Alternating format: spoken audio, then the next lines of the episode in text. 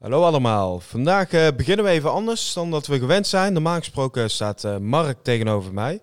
Maar hij zit met de reden thuis. Nee, nee, het is geen corona. Dus ik eh, ga hem even bellen.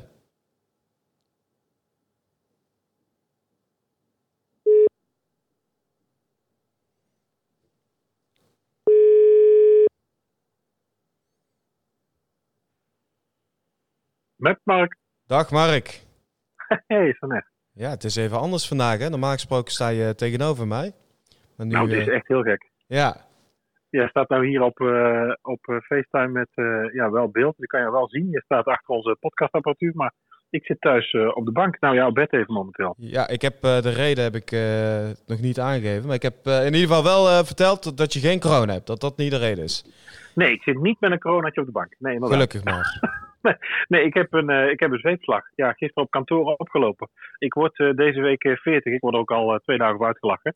En ik maakte eh, een soort van een vreugdesprongetje gisteren van mijn eh, bureaustoel af. En ik had een eh, zweepslag in mijn, in mijn linkerkuit. Dus ik zit nu eh, met het pootje omhoog eh, op, op bed even. Ja, Ja, vervelend. Ja, niks aan te doen. Ik, ik moet wel zeggen dat het heel erg zeer doet. Ik heb nu eh, vanmorgen al fysio gehad. Ze kunnen niet zo gek veel doen. Aanstaande donderdag moet ik weer terugkomen. Dan is het waarschijnlijk eh, intapen, rustig aan bewegen. Deze week niet te veel belasten. En eh, binnen, oh, ja, wat was dat ook? Binnen beperking belasten. Dus wanneer het pijn doet, moet ik stoppen. ja. Maar, Rustig maar ik was hier wel even mee onderweg. Maar wij wilden natuurlijk toch gewoon podcast opnemen. Precies. Want ja, wij zijn er. eh, eh, iedereen die luistert is natuurlijk gewend dat we er iedere week zijn. Dus vandaar dat we het op deze manier hebben opgelost. Ja, nou fijn dat het in ieder geval zo kan, hè? Nou, ik vind het wel heel erg leuk. Het is, Ja. het is ook wel een mooie test, want we hebben wel eens geprobeerd zelf. Maar opnemen met iemand die inbelt eh, met de Roadcaster Pro zoals we het nu doen. Nou, het werkt dus eh, volgens mij prima. Ja, precies. Zullen we dan, eh, als jij dan gewoon de intro-knop indrukt, Ja, dan zal ik gewoon eh, het introotje vol blaffen zoals altijd naar beginnen. Dan gaan we dan. Dames en heren, van harte welkom. Dit is Ready for Takeoff, de Nederlandstalige luchtvaartonderwijspodcast. Deze week, het komt gelukkig niet veel meer voor dat vliegtuigen worden gekapt. Maar stel je voor dat het voorkomt. Wat moet je doen en wat vooral niet? Naast heel veel nieuws gaan we er deze week in Ready for Takeoff over praten. Fasten your seatbelts. Hier zijn Sonette en Mark. Ja, zijn we. Nou, dat ging onaardig. Ja, aflevering eh, hey, eh, 27 ja, inmiddels, hè? afle- aflevering 27. Ja, het Ja. schiet alweer op. En het is nog steeds leuk. Eh, we hebben heel veel nieuws. Ik zit inderdaad niet met eh, corona thuis. Maar eh, wel een eh, corona-gerelateerde vlucht eh, kwam ik gisteravond tegen. Ik weet niet of jij het gezien hebt. Ja. United vlucht van Eagle, Colorado naar Newark, New Jersey. Is in Denver geland omdat eh, passagiers gefrustreerd raakten wegens een, een zieke reiziger. Ja, dat gaan we nu krijgen. Ik kwam vanmorgen bij de fysio, die gaf dus ook geen hand. Ik ook niet. Maar dit was dus een passagier aan boord van een, een daar heb je meer, een Boeing 757-200. Die is eh, omgeleid. Ehm, eigenlijk, nou ja, er stond bij vanwege de groeiende wereldwijde zorg over de uitbraak van het coronavirus. Eh, maar eh, United Airlines eh, 1562 werd onrustig aan boord omdat één passagier begon te niezen en te hoesten. Andere passagiers hebben geprobeerd, eh, ehm, eh, of de, de stewardess hebben geprobeerd die andere passagiers allemaal eromheen te kalmeren. Maar het werd één grote gefrustreerde partij met onrustige mensen. En het escaleerde dermate dat eh, de bemanning eh, gekozen heeft om de kist in Denver neer te zetten. De politie heeft aangegeven dat, eh, ja, dat ook de FBI erbij betrokken is geweest. En de Albuquerque Journal deelde dat na een screening de United passagier last bleek te hebben van allergieën. En die heeft daarna zelf zijn reis voortgezet. Ja. Ja, het is... Ja, hilarisch. Nou, we- weet je, ik, ja, we, we kunnen er niet omheen dat natuurlijk, en ik denk met name kwetsbare groepen natuurlijk, waar het, het virus toch gevaarlijk voor is. De besmettelijkheid wordt nog aan getwijfeld. Eh, deze week eh, eh, is natuurlijk al door premier Rutte gevraagd aan Brabanders om zoveel mogelijk thuis te werken en binnen te blijven. Nou, ik kan het niet anders, maar, maar dat nu, ja, dat we aan boord naast hoestende, proestende mensen ineens iets gaan denken van elkaar, ja, dat heeft dit natuurlijk wel als gevolg. ja, ja, ja. Ja, dan heb ik ook nog een En nieuw... Oh, maar je had ook iets, eh, ja, maar je had ook iets van corona, toch? Ja, ja, duizend man eh, op straat bij. Dat is dus de Israëlische luchtvaartmaatschappij. eh, is dus genoodzaakt om duizend man op straat te zetten. Die zijn dus flink getroffen door het coronavirus.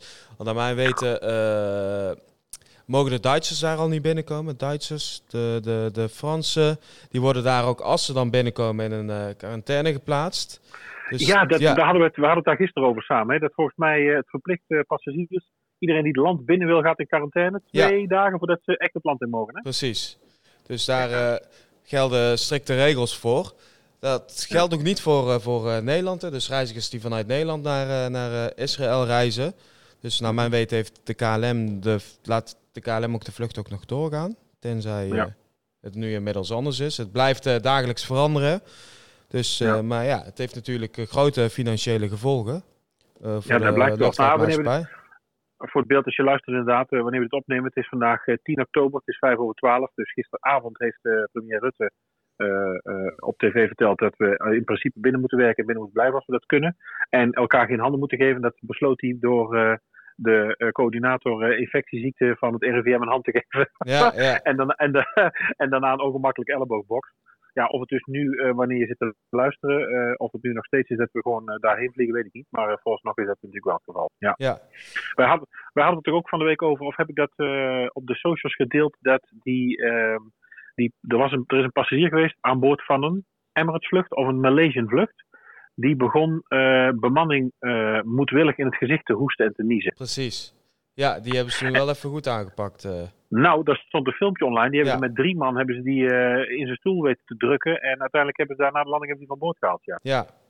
Maar ja, met drie ja. man hè, in zo'n kleine ruimte. Het is lastig om iemand. Uh, nou ja, even... het, mooi, het thema van vandaag natuurlijk waar we het over gaan hebben is natuurlijk kaping. Hè? Ja. Dat heeft natuurlijk te maken met veiligheid aan boord en onrust. En ja, wij weten allebei, en velen denk ik die luisteren, dat als je shit krijgt aan boord, zullen we maar zeggen, je hebt nog 189 tot 400 mensen bij je. Ja, je wilt niet dat er paniek uitbreekt. Dus alle, alle onrust wil je zo snel mogelijk eh, de kop indrukken. Ja, ja even uh, terugkomend op het nieuwtje. Sorry. Nee, geen probleem. Om de financiële gevolgen het hoofd te bieden, moeten dus niet alleen mensen uit, maar ook aan de salarissen. Dus tot 20% omlaag bij LL. Dus oh, dus er is, duizend, dus er is duizend man uit en iedereen die er nog werkt moet 20% Precies. Ja. Nou, dat vind ik wel heftig. En uh, ja, zo... sowieso, ja. Ze wil dus ook nog nieuwe lijndiensten starten uh, richting Düsseldorf, Tokio en Chicago. Dat is dus voorlopig ook uitgesteld. Ja, lijkt me handig. Je gaat nu niet, uh, niet aan de gang. Ik zag ook dat uh, Lufthansa en Qantas gaan alle A380's aan de grond zetten. of aan, zijn nu al aan de grond gezet om dus gewoon ja, een beetje kosten te besparen. We hebben het er in de vorige podcast over gehad dat veel maatschappijen natuurlijk nu doen aan vlootoptimalisatie. wat, ja, en onderhoud, om dat nu een beetje in te halen en in te plannen. Maar ze gaan natuurlijk nu echt wel uh, kisten stilzetten. Ja. Ja. Uh, hebben we zo meteen nog, gaan we het er zo meteen nog over hebben, dat weet ik eigenlijk even niet ons draaiboekje. Dat we over het stilzetten van die kisten en die gevolgen daarvan. de lijndiensten, daar gaan we het nog over hebben, over slots. Ja, ja. nou, dat inderdaad. maar daar komen we zo meteen nog daar komen we zo meteen op terug, ja. Ja, ja, ja. Ik had nog, uh, ik zat gisteren weer naar Kleine Boodschap te luisteren. Leuke aflevering over mannen, aflevering 143. Uh, er komt vandaag nog een special online voor de nieuwe achtbaan uh, Max en Moritz. Dat heeft niks met luchtvaart te maken, maar dat vind ik ook leuk. Uh, zij wezen ons eigenlijk, en ik had daar, nou ja, zijdelings ooit wat van gehoord, maar eigenlijk geen acht op geslagen. maar er is nog steeds een, een groep bezig onder leiding van meneer Schoepen, de zoon van Bobbiaan Schoepen van Bobbejaanland, om een Captain Jack Aviation Theme Park te organiseren, te gaan bouwen. daar zijn vergaande plannen over gemaakt. Ze hebben ook een website. Je kunt naar www.captainjack volgens mij. Uh, en daar kun je zien dat ze dus al uh, maquettes hebben gebouwd en geheel rond luchtvaart een attractiepark kunnen bouwen. Voor al zover ik het nu begrepen heb, wilden ze dat in België doen. Dat is momenteel nog niet van de grond gekomen. Ze zijn wel naar de IAPA geweest, de grote teamparkconferentie in Orlando. Maar ik heb het idee dat nu deze groep uh, onder leiding van uh, die meneer Schoepen, waar overigens ook uh, meneer Van Assendelft de Koning, voormalig marketingdirecteur van de Efteling in zit. je zou dus met veel geld en grond deze groep binnen kunnen halen en dan kunnen zij voor jou dat concept neerzetten. Dat is hoe ik het een beetje begrijp. Maar we gaan hier verder nog wel eens even naar kijken. Ik, ik had echt een beetje een. we moeten zo meteen de podcast erop explicit gaan zitten, maar even een, een what the fuck moment. Ja, wel gaaf. Ik zou er zeker even willen. Nou, het ziet er zeker wel heel grappig uit. Uh, er stonden volgens mij, even gauw gezegd, twee 747's aan gebouwen aangesloten met terrassen op de vleugels. Uh, attracties als in uh, draaimolens in een zeppelin met een mandje eronder. je kunt er ook wat leren. Dat zou ook de insteek zijn. Dus dat je in een, die man vertelt ook in een filmpje, dat je in een schuimrubberen vleugel je armen kunt steken en die kunnen in de windmachine houden. Dus dan kun je voelen hoe dus eigenlijk een vliegtuig vliegt. Dus hoe die, die opwaartse druk werkt. Ja ja, interessant. We hebben natuurlijk in Nederland hebben natuurlijk het aviodroom. Ik denk dat het daar een beetje op lijkt of tegenaan schuurt. Ja, en dan met attracties erbij. Ja, maar dan met meer attracties dan het Aviodroom inderdaad uh, heeft. Maar we, ik ga er nog eens verder naar kijken. En als het nog interessant is, dan uh, kom ik daar nog wel een keer op terug. Ja, uh, andere nieuwtje wat ik had. een KLM-nieuwtje, ja. Ja, dat was heel erg leuk. En natuurlijk, we hebben nu de vorige podcast ging natuurlijk eh, over de 747's. En eh, afgelopen maandag heeft de KLM wederom afscheid genomen van eh, weer een 747-400. Dit keer de Papa Hotel Bravo Foxtrot Hotel. De BFH eh, kwam op eh, 30 maart 1990 voor het allereerst in dienst. Eh, heeft de naam Hongkong gekregen en heeft dus nu eh, net geen 30 jaar gevlogen. En er wordt dus nu eh, verschroot. Net zoals eh, alle andere 747's bij, bij KLM de passagiersuitvoering gaat stoppen eh, eh, na 2021. Ze vliegen nog wel vracht met een aantal, maar deze is dus weer. Eh, ja, deze wordt eh, verschroot, wordt weer eh, gerecycled. ja Of eigenlijk is, tegenwoordig wat, wat tegenwoordig modern is, is gerepurposed. Hè? Je moet eigenlijk in plaats van recyclen, moeten we repurposen. Ja, toestel is bijna net zo oud als ik. Maar, Ja, en een stuk En, jonger dan tien- jij? tien jaar jonger dan ik, daar gaan we weer. We gaan toch niet drie podcasts hebben over mijn verjaardag, hè? Oh, man. Bijna 40. Bijna 40. Ja, ja. ja. Nou, op, op, een, op een zweepslag na heb ik het gehaald. En dan had je ook nog een, eh, iets over een eh, reality-serie, hè? Van, eh, Ja, heel leuk. We natuurlijk, als je het gevolgd hebt, als je luistert, welkom aan boord. Het serie waarin Transavia personeel eigenlijk wordt gevolgd. Wij hebben het vorige week al gehad over de People of Transavia, of Transavia, daar moet je maar uitlachen. Dat die, eh, die Purser Renier die ook een, eh, een barbershop eh, is begonnen. Maar deze serie op tv, wat er eigenlijk een beetje, waarbij de serie online natuurlijk een spin-off was, komt weer terug. 23 april gaat hij weer van start. Hij was destijds bij SBS 6. Het is nu door alle, al het zendergedoe, zullen we maar zeggen, bij RTL 5 terechtgekomen. Eh, en omdat het zo'n kijkcijfer van kanon was, zijn de opnames al gestart. En ik heb zo'n vermoeden dat wij daar voor ons oude bekenden in gaan zien. ja, volgens mij luisteren zij, ik denk ook beiden. Maar dat zijn eh, Mike en eh, Samuel. Zij vliegen allebei eh, bij Transavia en zijn oud-studenten van ons. Sterker nog, zij examineren bij ons ook wel eens. In ieder geval één daarvan. En ik heb wat posts gezien bij greenscreens en met opnames en keurig in uniform. Dus ik heb het, het dark brown suspicious dat zij daarin in gaan zitten. ik heb het Ja. ook gezien op Instagram. Dus ik ben benieuwd Ja. hoe het eruit gaat zien. Gaan we de gaten houden. Het is Ja. dus eh, 23 april op RTL 5. Yes. Eh, da- ja, da- wil jij dan eh, die American eh, monteur doen? Ja, de saboterende monteur van American Airlines moet drie jaar de cel in. Dus dat is een monteur. Oh, man. eh, die, die moet dus de cel in. Dus voor het saboteren van het navigatiesysteem van een vliegtuig. Oh ja. Oh, heeft de Amerikaanse ja, ja. rechter bepaald. De 60-jarige Abdul wilde het vliegtuig aan de grond houden. Zodat hij zelf kon repareren om zo'n extra uren te komen. Dat is ongelooflijk. Jezus. Ja, het is Ja. toch niet te geloven. Zelfs de vlucht vertragen om meer uren te maken. De lange vrijheid Ja. bestemming. Dat, dat lijkt het op. Ja, volgens eh, zijn advocaat eh, wilde hij meer geld verdienen om onder eh, meer de studiekosten van zijn kinderen te kunnen betalen. Zijn intenties waren ja. puur financieel. Ja, dit geeft natuurlijk wel, denk ik, aan. Ik denk dat hier de samenvatting van is dat natuurlijk salarissen en verdiensten natuurlijk in Amerika ja, toch wat lager zijn dan bij ons.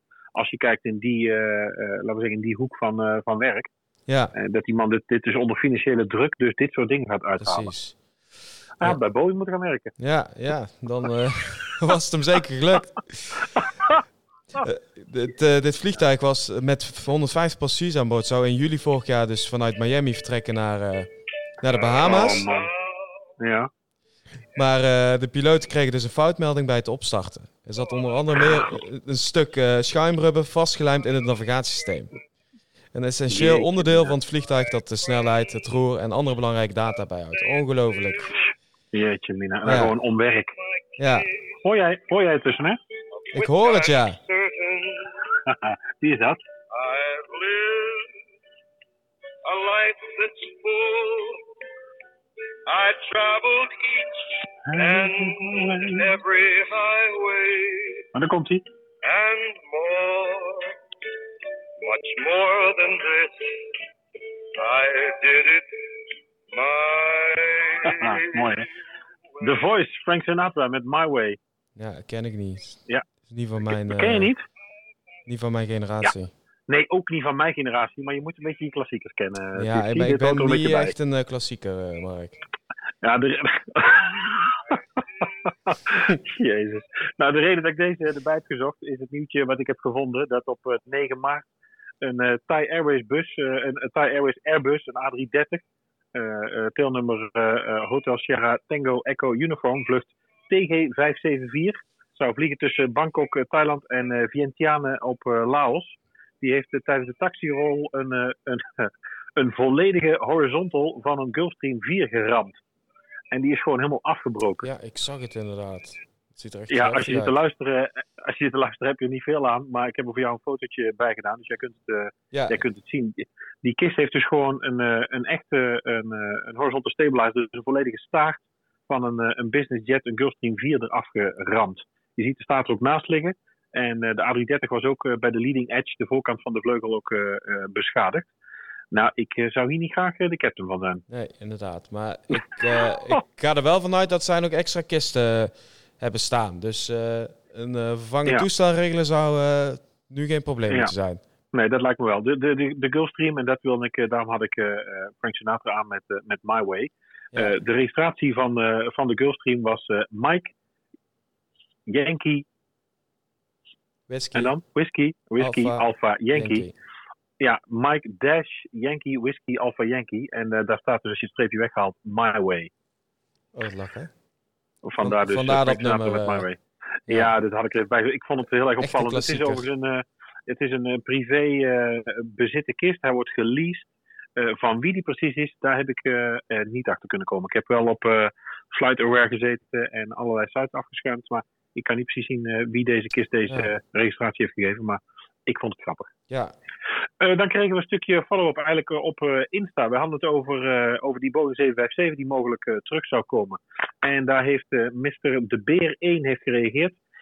Met de komst van de NG-modellen kon de gehele 737-familie 9% bedienen van wat alle 757's vlogen. Maar met aanzienlijke lagere kosten. Het is een lichter toestel, heeft betere aero, betere dynamica. Maar ook gebruikte engine-types. Voordeel van de 757 is dat het een langere range heeft en kan dus over de Atlantic. Plus, hij heeft meer stoelcapaciteit. Het is een interessante vergelijking. En eh, hij dacht, als je de cockpit design aan zou passen, nou daar hadden we het ook al over, dat je naar een glass cockpit zou gaan, en zou er nieuwe motoren onder hangen, eh, dan zou die heel eind kunnen komen. Alleen heeft de 757 wel wat meer nadelen, zoals een hoge wake turbulence. Hè, dus die turbulentie die ontstaat achter de vleugels, waardoor acht kisten daarachter worden, naar beneden worden geslagen. En ook de lucht eh, dus niet zo eh, efficiënt vertrekt vanaf de kist. Dus je vliegt wat eh, onzuiniger. Toen heeft, ja, dan moet ik even goed kijken hoor, Boljoen Siest, denk ik, ook een, een, een Instagram-handle, ook nog een opmerking geplaatst als reactie daarop dat de 757 eh, eh, is een oud toestel, heeft absoluut geen efficiëntie qua brandstofverbruik, maar ook qua geluid en emissie is het eh, niet zo denderend. Boeing eh, heeft de 757 is gebaseerd op eh ICAO Chapter 3 qua geluid. Eh, en dat is 1977. En de 737 Next Generation is Chapter 4, 2006 standaard. Eh, de A320 Neo zelfs, Chapter 14 van 2017. Dus de 757 is een heel mooi toestel, maar veel te oud en helemaal niet efficiënt. En zou ook veel te veel lawaai maken. ja. En je had Dus ook nog een... vandaar eh, zou het mogelijk niet interessant zijn om die kist weer opnieuw eh, in te zetten. ja, precies. Je had ook nog een tweet geplaatst op Twitter. Ja, ik had een. eh, dat, eh, nou ja, dat gaat dus eigenlijk weer over de 77 Max. We kunnen bijna een jingletje gaan maken om die kist iedere week te bespreken. Maar mogelijk moet eh, Boeing nu ook nog wat elektrische bedrading gaan aanpassen. Daar zijn nu met alle checks, en dat is natuurlijk goed. Ik kwam daar ook mee in gesprek met nog een Bob de Belgian, volgens mij een piloot die bij KLM vliegt. Een Belgische vlieger bij KLM, 737. Eh, eh, leuk Instagram-account overigens, moet maar eens even kijken. Er kwamen we ook in discussie en een gesprek over gaat die 737 MAX ooit nog vliegen? Ehm, ja, ik hou het op niet. In ieder geval niet in deze bestaande vorm. Hij houdt het op wel, omdat het gewoon uiteindelijk een betrouwbaar toestel kan worden. En eh, als je ziet hoe dat ding nu gecontroleerd wordt, daar is straks natuurlijk niks meer fout aan. Ja, Dat is natuurlijk zo. Nou, dat blijkt dus ook doordat ze nu dus hebben gevonden dat er mogelijk nog een eh, eh, eh, elektrische fout zit in de bedrading, die dus ook hersteld moet worden. En Gert-Jan Alpoel had gereageerd. Misschien kunnen we daar gelijk even een heel nieuw vliegtuig omheen bouwen. precies. nou ja, dat goede tip. de, de, dat de snelste oplossing. eh. Ja, goede tip. Want, ik denk dat dat nu ook eh eigenlijk aan het gebeuren is. Ongelooflijk. Eh, Komen we wekelijks eh, ontdekken ze weer eh, fouten Ja. van, eh, van eh, Boeing. eh. Maar goed. Het Houd is, niet eh, op, niet vanzelf. Ja, maar er dus, gaat eh, geen 7, een nieuwe 757 komen. Dat weet ik zeker. Nee, nou ja, goed. Daar ziet niet naar uit. Inderdaad, met veel aanpassingen zou dat wel een vervanging kunnen zijn. Maar ja, ze hebben natuurlijk nu nog volgens mij 400 van die maxen staan die gecontroleerd moeten worden. En daar zou ze natuurlijk graag doorgaan met die bouw. Want je hebt die productielijn aangepast. Ja, Ja, ben benieuwd. We gaan het zien. nou dan gaan we het afsluiten met het laatste nieuwtje. Het heeft dus ook weer Het met corona, corona te Oh, ja. maken. Ja, Mhm. lege vluchten, toch de lucht in. Om te voorkomen dat ze dus de landingsrechten verliezen. De politieke partijen in Den Haag en de Europese organisatie van slotcoördinatoren willen dat de, eh, wil dat de EU vanwege het coronavirus de regels tijdelijk loslaat voor het verplicht gebruiken van start- en landingsrechten.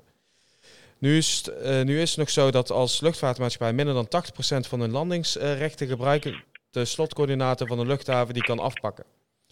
En daar wilden ze nu dus een uitzondering voor hebben. Snap ik ook wel, want ze gaan nu eh, eigenlijk voor Jan met korte achternaam eh, vluchten Ja, uitvoeren. er zijn, ja, er zijn heel veel spookvluchten, zeggen ze nu, eh, aan Ja. de gang. Eh, volgens mij kwam er op Eindhoven van de week ook een vlucht uit Italië aan met drie passagiers erop. Ja, Ja, om dus maar slots te behouden zijn maatschappijen toch aan het vliegen. Nou ja, in deze tijd van discussie over uitstoot en CO2, ja. Ja. is dat natuurlijk een lastig, lastig trek.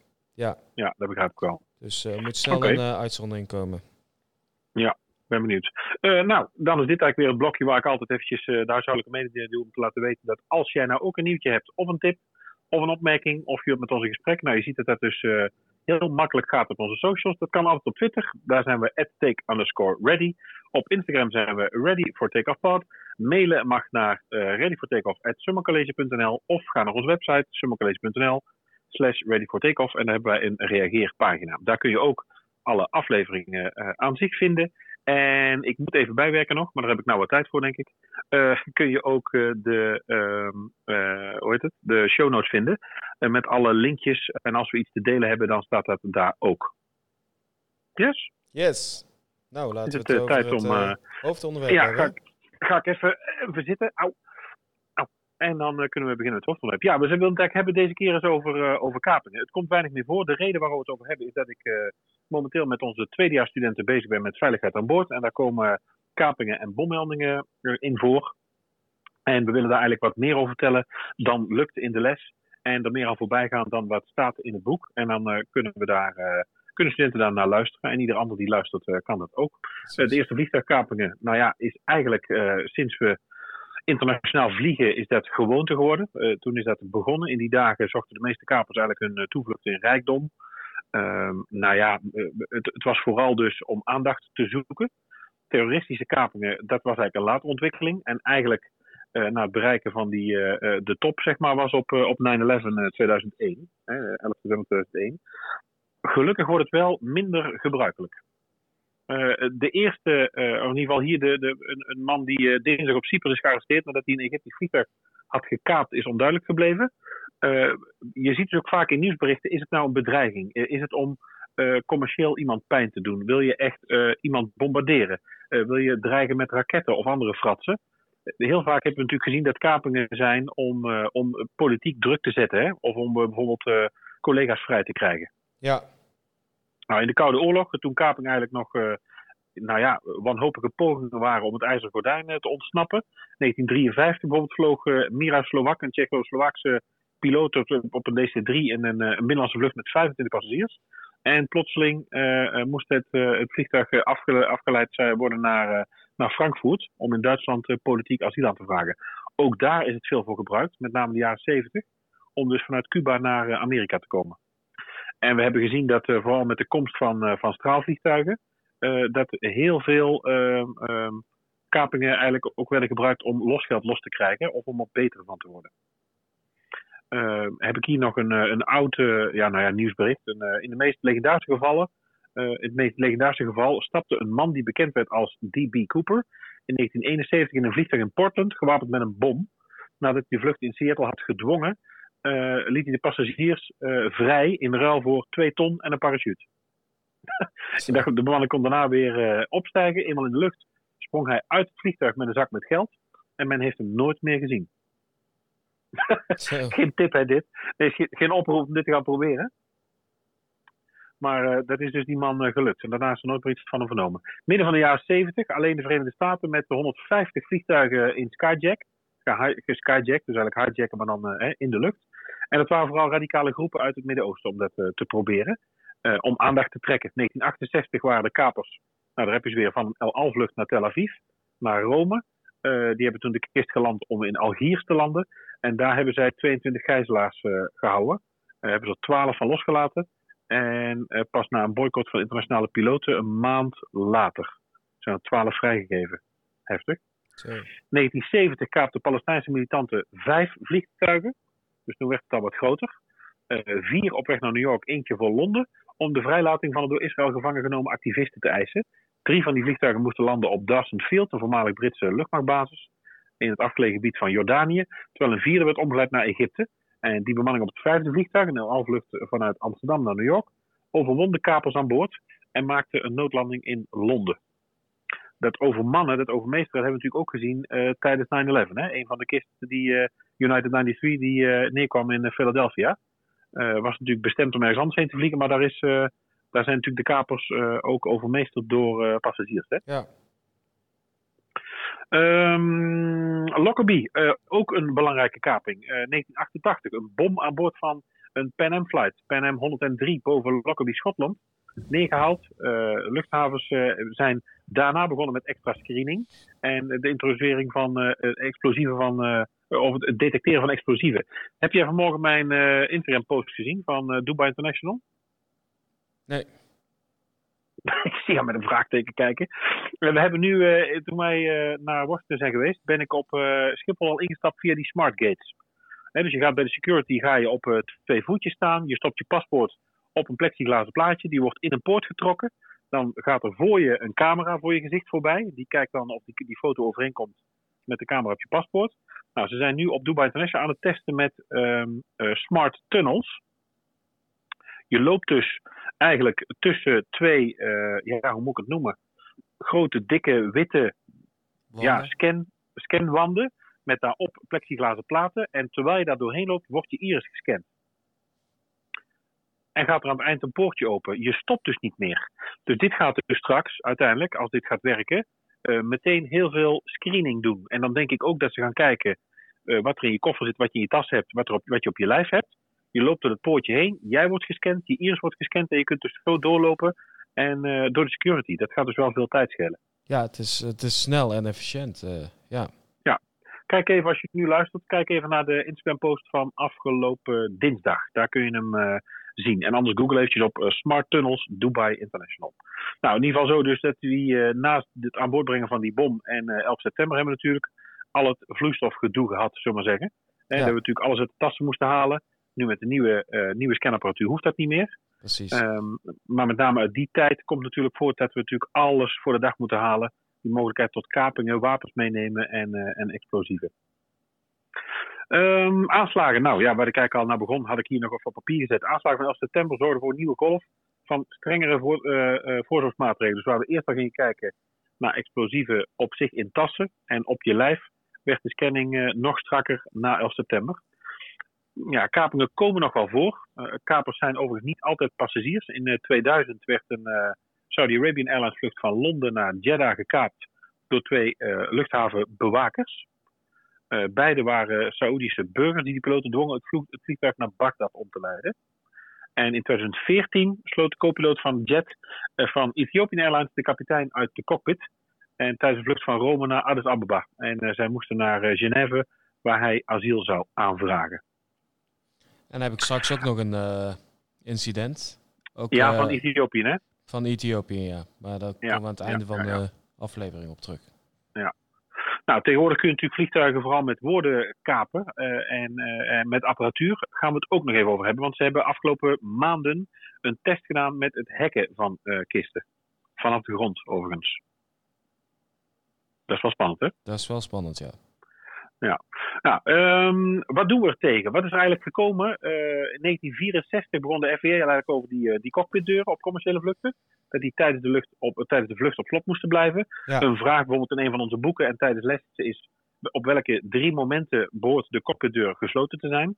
Ja, dat is tegenwoordig eigenlijk heel erg makkelijk. Dat is eh, bij, dus, eh, eh, bij take-off, bij cruise en bij landing. Dus eigenlijk moet de deur gewoon niet meer open. Precies. Ik weet niet wat van de meeste ervaring is of wat jouw ervaring is. Ik zie wel bij vertrekkende vliegtuigen dat bij instappen de cockpitdeur nog wel eens open is. Ehm, misschien op low-cost eh, velden nog wel eens. Ik moet wel zeggen, volgens mij toen ik, dat heb ik natuurlijk niet gezien, maar toen we naar Washington vlogen, was de cockpitdeur volgens mij dicht. Ik heb het niet gezien, want ik kwam natuurlijk achter de business class binnen. Eh, maar 9 van de 10 keer is die deur natuurlijk gewoon dicht. Is die natuurlijk niet meer, eh, niet meer open. Ja. Dat mag natuurlijk ook niet. Ja, de deur gaat gewoon op slot, naar mijn weten. Ja, eh, zit ook eh, eh, eh, volgens mij een cameraatje op en een, een codeslot. Ja. Ik weet eigenlijk niet wat voor code dat nou is. En weet, weet iedereen die? Of weet alleen de gezagvoerder van de kist die gaat vliegen dat? Ehm, ook het cabinepersoneel. En het is ook weer verschillend per luchtvaartmaatschappij, hè? Want het is... ja, maar niet, niet iedereen van de cabine kan toch zomaar zelf binnen? Nee. Ik heb, eh, ik heb bij meerdere luchtvaartmaatschappijen gevlogen. En bij de ene luchtvaartmaatschappij was het zelfs zo dat je dus in de briefing een code... eh, je hebt sowieso een standaard toegangscode. Maar Ja. in geval van een kaping eh, werd er dan een onderwerp besproken. Of dat dat was dan het geheime woord. Als je dat geheime Oh, woord ja, ja. dus uitsprak... Ja, Dan ja. eh, wist, de, wist de cockpit eh, dat er sprake was van, eh, van een kaping. Met dat per Ja. eh, airline is dat weer verschillend. Het is, eh, Ja, mijn, eh, eh, mijn vrouw heeft ooit eens in een winkel gewerkt. En als daar werd omgeroepen dat eh, iemand, een bepaald iemand eh, naar de kassa moest komen. Of dat, werd, dat, dat betekent dat er ook eh, eh, gejat werd. Of dat er iemand eh, bezig was om spullen te stelen. Ja. Ja, dat vond ik op zich wel, eh, op zich wel goed. Om, eh, Ja, Maar nou, ja. cockpit is in ieder geval niet meer open. Je kunt daar zomaar niet binnen. ja, maar ja, als je dat op elke vlucht, eh, als je dan een eh, geheime woord krijgt, ja, dat kun je dan ook weer vergeten. Hè? Jawel, maar Ja. ik vind het ergens wel goed. Want als jij zegt dat er een standaard code is waarmee je alle cockpitdeuren kunt openmaken, dat is ergens ook wat link, hè? Ja. Nou, Maar ja. 2002 kun je... Ja, sorry. Ja, dat, je komt niet zomaar aan die code. Het is daarom ook belangrijk, mocht je hem eh, in willen voeren. Maar de cockpit heeft alsnog de mogelijkheid om eh, de entry eh, te slot weigeren. deur op. Ja, de deur Ja. op slot te houden. Ze hebben camera's, dus alles wordt heel goed gecontroleerd. Ja, ze En kunnen het- jou voor de deur zien staan. En het was zelfs bij ons, bij die ene luchtvaartmaatschappij zo, dat mocht... ja, het is, het is al voor mij, even kijken hoe lang geleden is het. Het is inmiddels zes jaar geleden dat ik daar had gevlogen. Maar eh, daar werd zelfs een eh, trolley voor de, voor de deur neergezet om het gangpad te blokkeren. Wanneer? Ja, dus zo'n drinkservice trolley. Werd dus eh, voor het- Standaard? Standaard, ja. Dat was de procedure. Gordijn ging dicht. Je zet een eh, drinkservice of gewoon een uh, service trolley daar neer. En daarna Ja. mocht pas de cockpitdeur open. Oh, Maar wel heel Waarom veilig. Ja, om eh, te voorkomen dat iemand de cockpit eh, in wilde gaan. binnenrent. Ja, Oh, dat je over die, container, over die eh, trolley heen moest. precies. Nou, ze kunnen er overigens wel, dat vertelt ik student ook wel. Ik weet niet hoe het nu bij de modernere vliegtuigen is, maar ik weet dat bij ons de DC-10 en in de Fokker 50 zat dat ook. Eh, daar zat een, eh, ook nog een kickdown panel in. Dus als de cockpitdeur dan dicht was en op slot, maar de, eh, er was een noodsituatie en de cockpit wilde naar buiten. Als zij hard genoeg tegen de onderkant van de deur aantrappen, dan gaat het paneel eruit en kunnen ze toch naar buiten. Ja. Dus je zit, je zit daar niet onveilig opgesloten, zeg maar. Nee. Nou, naast dat die cockpitdeuren dicht moesten, keurde de FAA eh, en het congres eh, een voorstel van de FAA goed in 2002 om eh, piloten te gaan bewapenen, waardoor piloten bij de Amerikaanse maatschappijen wapens in de cockpit konden meevervoeren. En in 2003 eh, staan deze piloten bekend als Federal Flight Deck Officers. Die naam moesten ze krijgen. Eén op de tien van die 125.000 piloten is dus getraind om een wapen bij zich te hebben. Daar kom ik zo meteen nog wel even op terug, want dat is ook wel een paar keer eh, fout gegaan. Ook in 2002 introduceerde, introduceerde vliegtuigfabrikanten zoals Airbus, nou wat ik zei, die versterkte cockpitdeur, die weer bestand is tegen geweervuur. Dus als er iemand met een wapen aan de buitenkant staat, dat hij niet zomaar met schieten die deur open kan trappen, eh, open Ja. kan schieten in ieder geval. En kort daarna verplichtte de FAA exploitanten van meer dan 6000 vliegtuigen om tegen 9 april 2003 deze hardere cockpitdeur te installeren.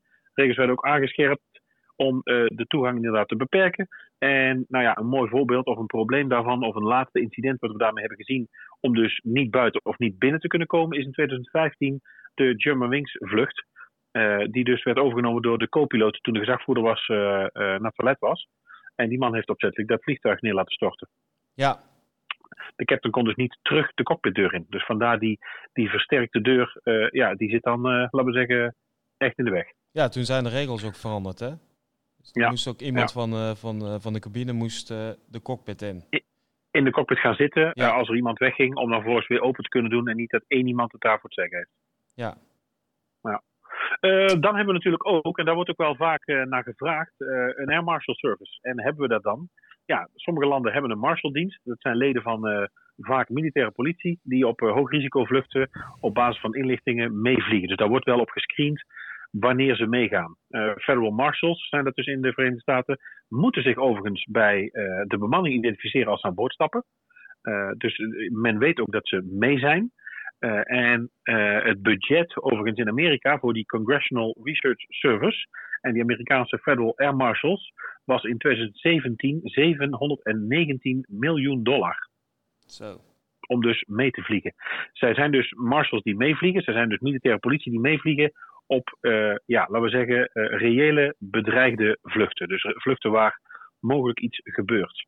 We hebben wel gezien dat er ongeveer 200 incidenten daarna zijn geweest van, uh, van air marshals die uh, met een pistool een incident hebben gehad, die dus in het wilde weg zijn gaan schieten of waar wapens zijn van afgepakt. Dus dat is niet zo heel erg handig. Nee. En je wil niet, het zijn uh, overigens. Je wil niet misschieten in, in een vliegtuig. Nee, het zijn, het zijn bewapende mannen. Ja. Um, er is ooit een, een daar kwam ik achter toen ik een beetje ging zoeken. We hebben natuurlijk hier in, in Nederland hebben wij de, die bijzondere bijstandseenheid, de brigade speciale beveiligingsopdrachten, de BSB, onderdeel van, uh, van de marechaussee, dus van onze militaire politie. Uh, wij hebben hier in Nederland dus ook air marshals. Wij hebben hier dus ook uh, vliegtuigbemanningen, nee, hoe heet het? militaire politie die dus meevliegt en die met bewapening meevliegt.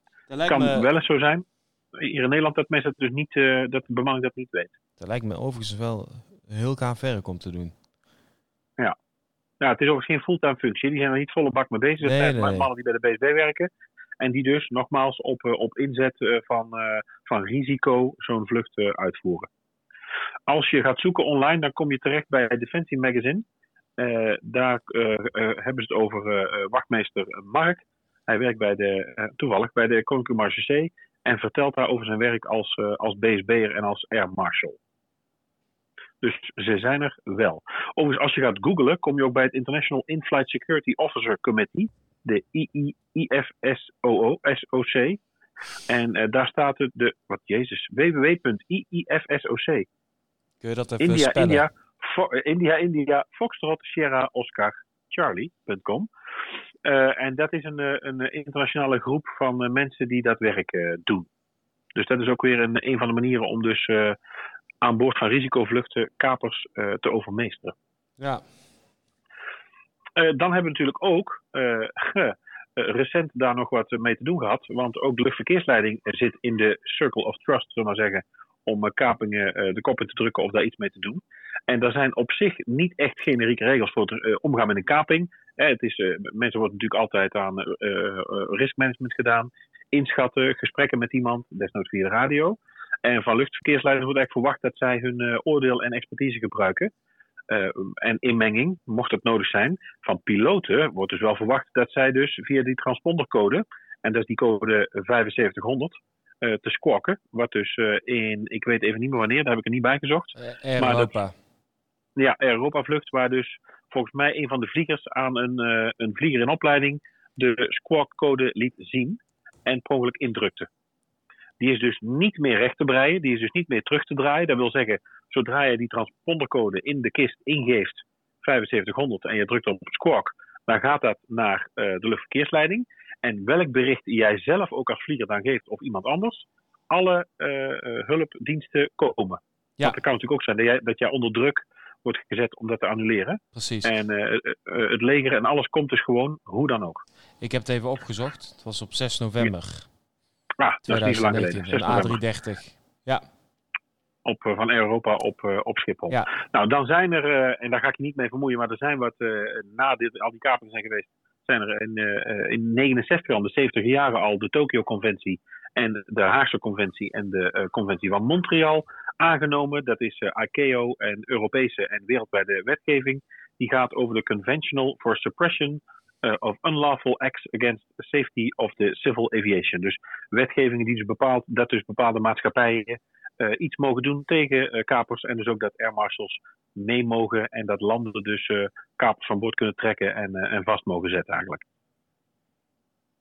Yes? Ja. Dat is eigenlijk een beetje kort die kapingen doorgenomen. Nou, wat, is nou, wat komt dan nog wel voor, of wat is de toekomst van het kapen?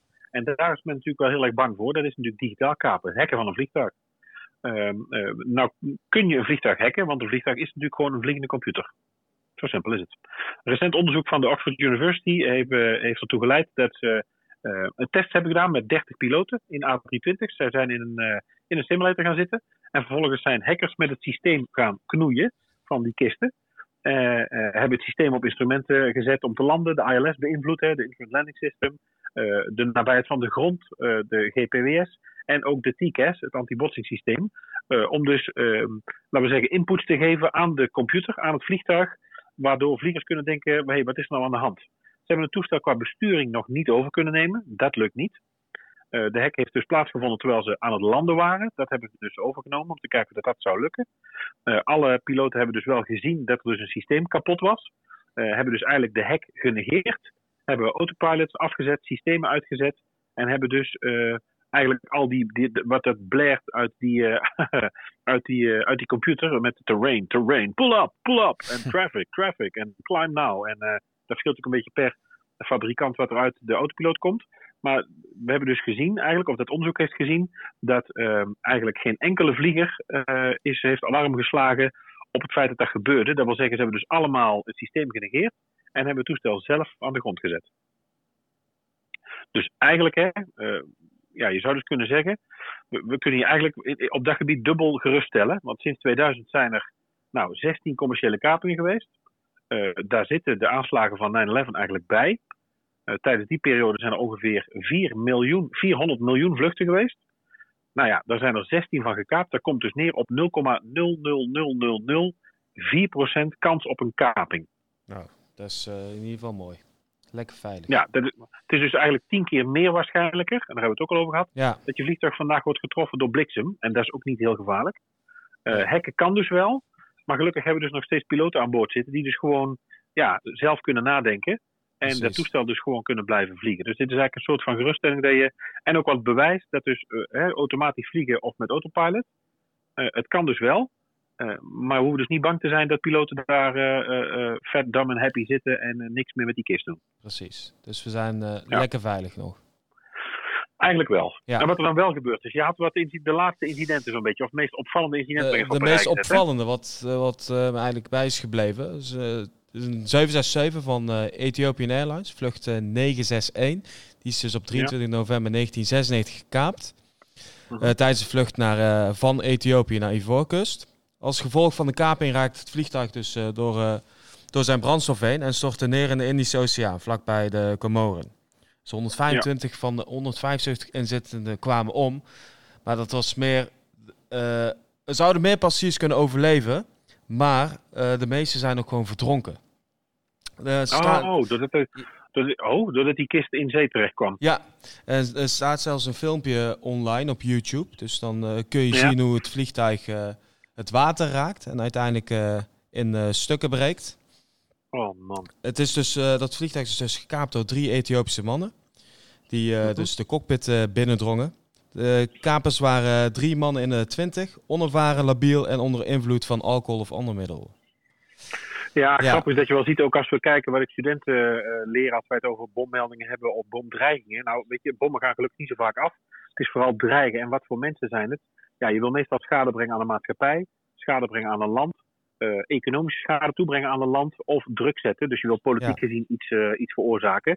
En we zien eigenlijk wel, want je hebt er zometeen nog twee, maar ik denk dat we wel kunnen zeggen dat je, het is natuurlijk kapen kwamen voor vanuit Cuba naar Amerika, eh, vanuit Israël of Palestina vanuit Ethiopië. Het is natuurlijk vaak vanuit politiek onrustig gebied.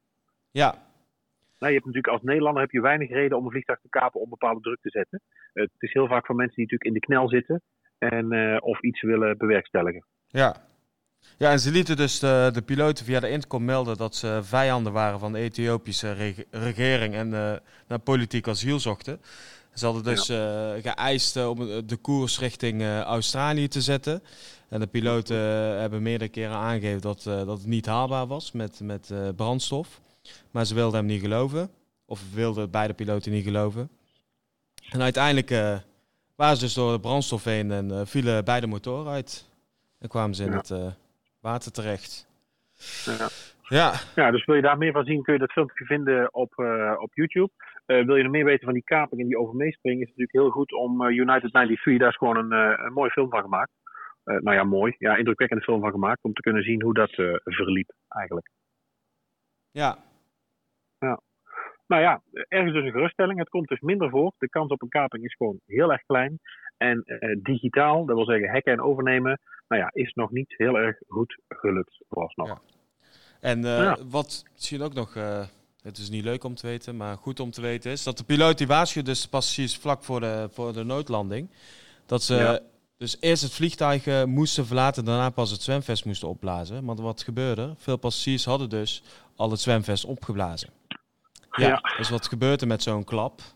Ja, dan gaat je zwemvest Ja. kapot. En als je dan niet kan zwemmen, dan wordt Ja, het lastig. Houd het op. Ja, Ja, of als je het al opblaast en je overleeft de klap wel, dan kom je zodra het vliegtuig begint te zinken, kom je zelf bovenaan het vliegtuig te hangen. En kun je niet meer, met een opgeblazen vest kun je niet meer naar beneden naar de deur toe zwemmen. Nee. Dus, Dus, de reden daarom... dat we, wij altijd eh, zeggen, eh, pas eh, opblazen staande in een van de nooduitgangen. Precies. En volg altijd de aanwijzingen van het cabine of van het cockpitpersoneel op. Hè? Ja. Dat zeggen we niet voor niks. Get into raft. Nee, Ja. inderdaad. Nee, zijn we er ver doorheen, eh, Snel, volgens mij. Hè? Hoe lang zijn we onderweg? Want dat kan ik nou niet zien. Normaal kijk ik altijd op het klokje, maar Dat is 46 minuten. 46 minuutjes. Ja. Nou, onder het, we proberen altijd onder het uur te eindigen. Eh, nou ja, trouwens, eh, vind jij dat nou ook te lang of eh, wil je andere dingen besproken hebben, kun je dat natuurlijk laten weten. Eh, ja, dan gaan we afsluiten, denk ik. Zo Ja. net, Ook op deze gekke manier. Ik ga eh, proberen op mijn kont, denk ik, de trap af te komen en een boterham te eten. Ik hoor dat mijn kinderen inmiddels zijn thuisgekomen beneden. Het is eh, kwart voor één, dus die moeten zo meteen om half twee weer terug op school zijn. Maar dat doet eh, mijn vrouw gelukkig. Maar ik heb wel, eh, ik heb wel honger gekregen. Wat ga jij doen zo? Ik moet mijn lessen voor morgen voorbereiden. Mijn les nog voorbereiden. Ja, Oké. ja, ja. Nou, nou, dan als jij het afsluitje indrukt, dan ga ik afsluiten. ja, ga ik doen. Eet smakelijk. Thanks. Heb je ideeën, vragen of wil je ons iets laten weten? Je kan ons bereiken op de socials, at take underscore ready, ready for takeoff of op Instagram zijn we ready for takeoff pod. Reten op een podcast is altijd leuk. En tot volgende week zo neer. Tot volgende week. Dit was Ready for Takeoff. Denk aan je persoonlijke bezittingen, volg ons op onze socials, vergeet je niet te abonneren en tot de volgende keer.